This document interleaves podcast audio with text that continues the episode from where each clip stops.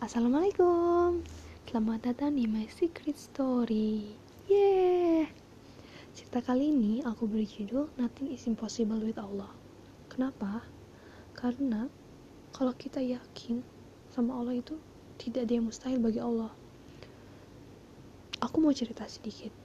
Dulu pertama kali aku melaksanakan ibadah umroh Sebelum berangkat itu Aku sudah bercita-cita. Ingin sekali ke Ismail Kemudian Hajat Aswad kemudian Rauda. Sebelum berangkat itu ada yang bilang, kalau ingin ketiga tempat itu harus ada perjuangannya. Ya memang, perjuangannya itu subhanallah banget deh. Tapi alhamdulillah Allah memberikan kemudahan. Karena kita yakin kita bisa gitu ya. Kita percayakan itu sama Allah. Pertama ketika sampai di Madinah, kemudian malamnya itu mama ngajak ke Raudoh yuk sekarang nanti malam gitu kan. Aku aku kakak adik sama mama itu berangkat tuh malam. Jam berapa ya? Aku lupa pokoknya. Terus ketika melaksanakan ibadah Raudoh itu entah kenapa nyaman sekali.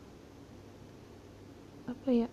Diberi kelapangan aja tempat juga diberi kemudahan pas masuknya juga gitu Padahal sebelumnya itu pemimpin pernah bilang gini, kalau ada yang ingin melaksanakan ibadah di Raudo itu, kita harus saling menjaga. Misalkan, kita berangkat itu berenam, yang satu melaksanakan ibadah atau sholat. Nah, yang sisanya yang berlima itu harus ngejagain. Takutnya ada yang injak kepala, karena katanya itu berdesak-desakan.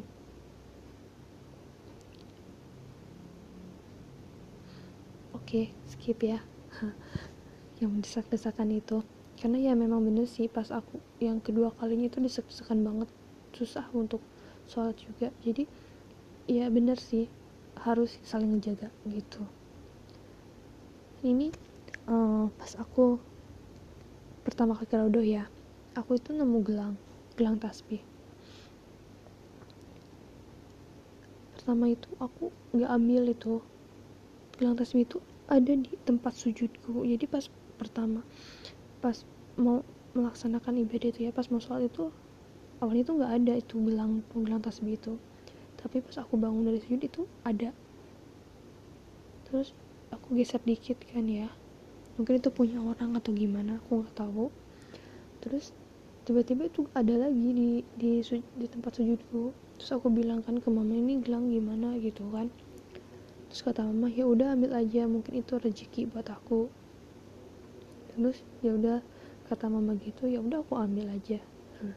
Semoga itu benar-benar rezeki buat aku dan semoga itu benar-benar halal karena gelang itu masih ada sekarang. Kemudian perjalananku menuju Mekah. Di jalan tuh aku udah merasa apa ya nggak enak badan. Kemudian udah mulai flu kayak gitu. Terus pas sampai di Mekah setelah melaksanakan uh, umroh wajibnya kemudian ke hotel habis itu pas bangun aku ya sempat sakit sih. Pas bangun itu udah nggak enak badan banget. Pas sholat su aku subuh sama zuhur itu nggak ke Masjidil Haram aku di hotel aja. Hmm. tapi alhamdulillahnya itu oh, hotelnya ada di pelataran Masjidil Haram. Jadi ada di apa ya sekitar Masjidil Haram gitu. Kemudian kan adekku bilang aku udah sholat tuh di Hijri Ismail terus aku bilang aku juga mau aku bilang ke orang tuaku aku ingin sholat hijir Ismail gitu kan. Alhamdulillah. Itu pas aku mau sholat di sana tuh ibadah di sana itu alhamdulillah hijir Ismailnya kosong nggak desak-desakan sebelumnya itu aku nonton di TV karena kan di sana itu ada tayangan 24 jam di Masjidil Haram ya di haramnya. Itu desek-desekan banget. Dan alhamdulillah pas aku ke sana itu Allah juga ngasih apa ya pertolongan. Jadi kosong apa ya nggak desek-desekan. Jadi ada tempat aja buat buat sholat buat ibadah.